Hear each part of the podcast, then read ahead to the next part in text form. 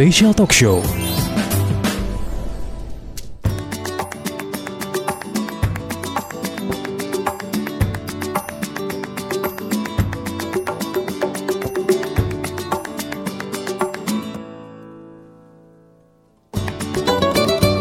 Classy People, saya sekarang sedang terhubung dengan Bang Tommy. Beliau adalah Direktur Eksekutif Komunitas Siaga Tsunami atau Kogami. Dan kita akan ngobrol tentang uh, gempa yang mulai sering uh, melanda kota Padang belakangan ini. Uh, Bang Tommy, kota Padang kan mulai sering dilanda gempa nih dalam beberapa hari terakhir. Nah, bagaimana yeah. mitigasi gempa di tengah pandemi? Iya, yeah, uh, hari ini kita ini ya mendapatkan pembelajaran berharga kembali bahwa ternyata di tengah pandemi kita juga diguncang oleh gempa. Dan alhamdulillah dari pengamatan dan informasi yang kami terima oleh uh, dari masyarakat, ternyata uh, tingkat kepanikan kita sudah mulai berkurang. Dan saya berpikir positif uh, tingkat kepanikan ini berkurang karena memang sudah masifnya sosialisasi, edukasi dan pelatihan terkait gempa dan tsunami yang sudah dilakukan oleh masyarakat sehingga ketika diguncang oleh gempa dan gempanya tidak terlalu kuat, masyarakat tidak panik lagi seperti yang sebelum-sebelumnya. Dan alhamdulillah kita bersyukur dengan apa yang ada hari ini. Tapi ini jangan sampai menjadikan kita lengah. Dan harusnya kejadian-kejadian gempa yang ada belakangan ini membuat kita semakin mempersiapkan diri karena dengan pengetahuan yang sudah diterima harusnya setiap keluarga masyarakat kita di Kota Padang dan di Sumatera Barat sudah mempersiapkan langkah-langkah penyelamatan, sudah mempersiapkan jalur dan tempat evakuasi, mempersiapkan tas sibat, apalagi dalam kondisi pandemi ini kita mesti mempersiapkan segala sesuatunya seperti masker, hand sanitizer, menjaga jarak, walaupun prioritas kita tetap untuk menyelamatkan diri pada saat terjadi gempa, tapi jangan lupa setelah kita selamat dari gempa, ada ancaman berikutnya yaitu pandemi COVID-19. Oleh sebab itu, kita berharap masyarakat betul-betul mempersiapkan diri, memper jalur evakuasinya, tata letak ruangnya, Kemudian jangan lupa di dalam tasibat sekarang tolong dimasukkan adana uh, masker, hand sanitizer sehingga ketika kita berada di tempat yang memang tidak dimungkinkan untuk berjauhan, kita tetap bisa menjaga jarak aman dan kita bisa ter terhindar dari COVID-19 gitu lihat. Oke, okay. uh, eh, berarti ada ada list yang bertambah nih di tasibat kita nih di masa pandemi ini ya, Bang Tommy ya? Iya, kan e, kalau pengetahuan terkait dengan COVID sudah juga sudah cukup masif disampaikan oleh pemerintah dan lembaga terkait ya.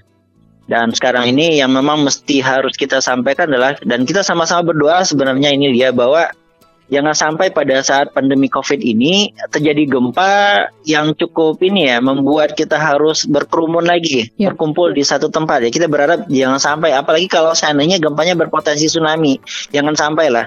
Tapi kalau itu harus terjadi misalnya nah kesiapan kita baik dari sisi gempanya sendiri kita sudah harus mengetahui nih bagaimana cara penyelamatan pada saat terjadi gempa. Jangan panik, kemudian kita harus ini segera keluar ruangan jika dimungkinkan. Kalau tidak bersembunyi di tempat yang cukup cukup kokoh sampai gempanya reda kemudian kita kembali beraktivitas ke keluar ruangan ya. Dan kalau bisa pada saat kita keluar ruangan dari bangunan jangan lupa pakai masker. Dan kalaupun tidak bisa pakai masker kalau memang sudah ada tasibat disiapkan nah mungkin barangkali dari tasibat itu bisa dikeluarkan maskernya kita tetap bisa beraktivitas seperti biasanya walaupun di tengah-tengah kerumunan gitu ya kalau seandainya kita harus mengungsi karena uh, gempa atau bencana lainnya, panduannya seperti apa, Bang Tommy? Panduannya sama seperti kayak yang lainnya juga ya, seperti kejadian-kejadian sebelumnya. Cuma sekarang ini memang kita tambahkan dengan ini uh, harus taat dengan protokol kesehatan COVID-19. Mm-hmm. Ya, jadi uh, kalau seandainya terjadi gempa, nah satu jangan panik, kedua segera keluar ruangan menuju ke tempat yang aman. Nah, di tempat yang aman ini pasti akan berkerumun ini ya.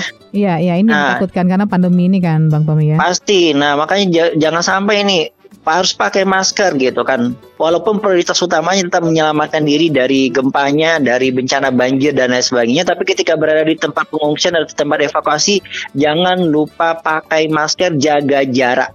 Mm -hmm. Nah, walaupun agak susah ini dipraktekkan karena kita juga lagi mencoba mensimulasikannya seperti apa ya.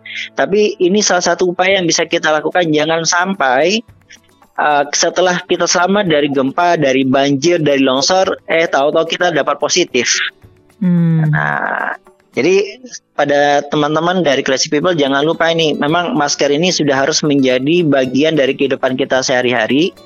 Kalaupun tidak ada tasibatnya ya minimal dalam pakaian, ada dalam ini saku celana atau apa pun ya masker ini sudah harus menjadi sesuatu yang harus kita bawa ke mana-mana hari ini.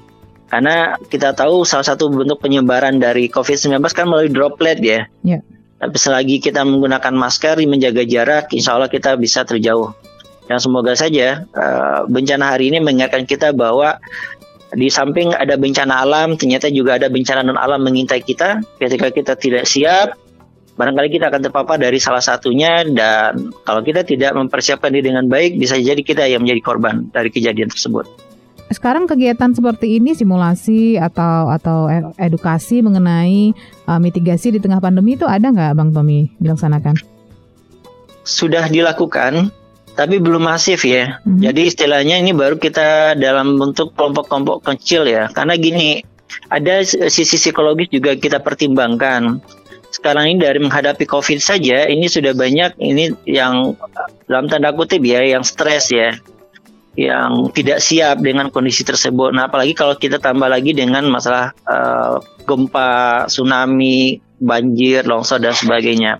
Tapi bagaimanapun uh, ini sesuatu yang mesti harus tetap kita sampaikan kepada masyarakat karena kita tahu pengetahuan yang tepat terkait dengan ancaman yang ada baik itu bencana alam ataupun non alam itu akan membuat masyarakat kita bisa mempersiapkan diri dengan lebih baik lagi. Kita belajar dari kejadian gempa Hansen tahun 95 ya bahwa ternyata keselamatan itu disiapkan ya kita bisa selamat itu ternyata 35 sekian persen itu disebabkan oleh pengetahuan yang membadai kepada diri sendiri. Pengetahuan dari sendiri yang benar kemudian disampaikan kepada anggota keluarga kepada orang-orang yang lainnya itu yang menyebabkan kita bisa selamat pada saat bencana terjadi. Dan kita berharap dengan upaya yang kita lakukan hari ini dan kita juga sudah coba koordinasikan dengan teman-teman penggiat yang lainnya. Dalam waktu dekat ini kita akan melakukan kegiatan simulasi uh, baik dalam bentuk TTX ataupun dalam bentuk geladi lapang dengan melibatkan masyarakat dalam tanda kutip ya. Ini yang dibatasi jumlahnya dengan skenario bencana alam plus pandemi COVID-19 Semoga itu bisa terselenggara dengan baik dan kita bisa mendapatkan feedback dan pembelajaran dari kegiatan yang dilaksanakan nantinya. Gitu, lihat. Oke, baik Bang Tommy, terima kasih banyak untuk informasinya hari ini. Ya, sama-sama. Semoga kita tetap bisa waspada dan terhindar dari uh, bencana di tengah pandemi seperti ini. Oke, Lia, makasih ya. Assalamualaikum warahmatullahi wabarakatuh.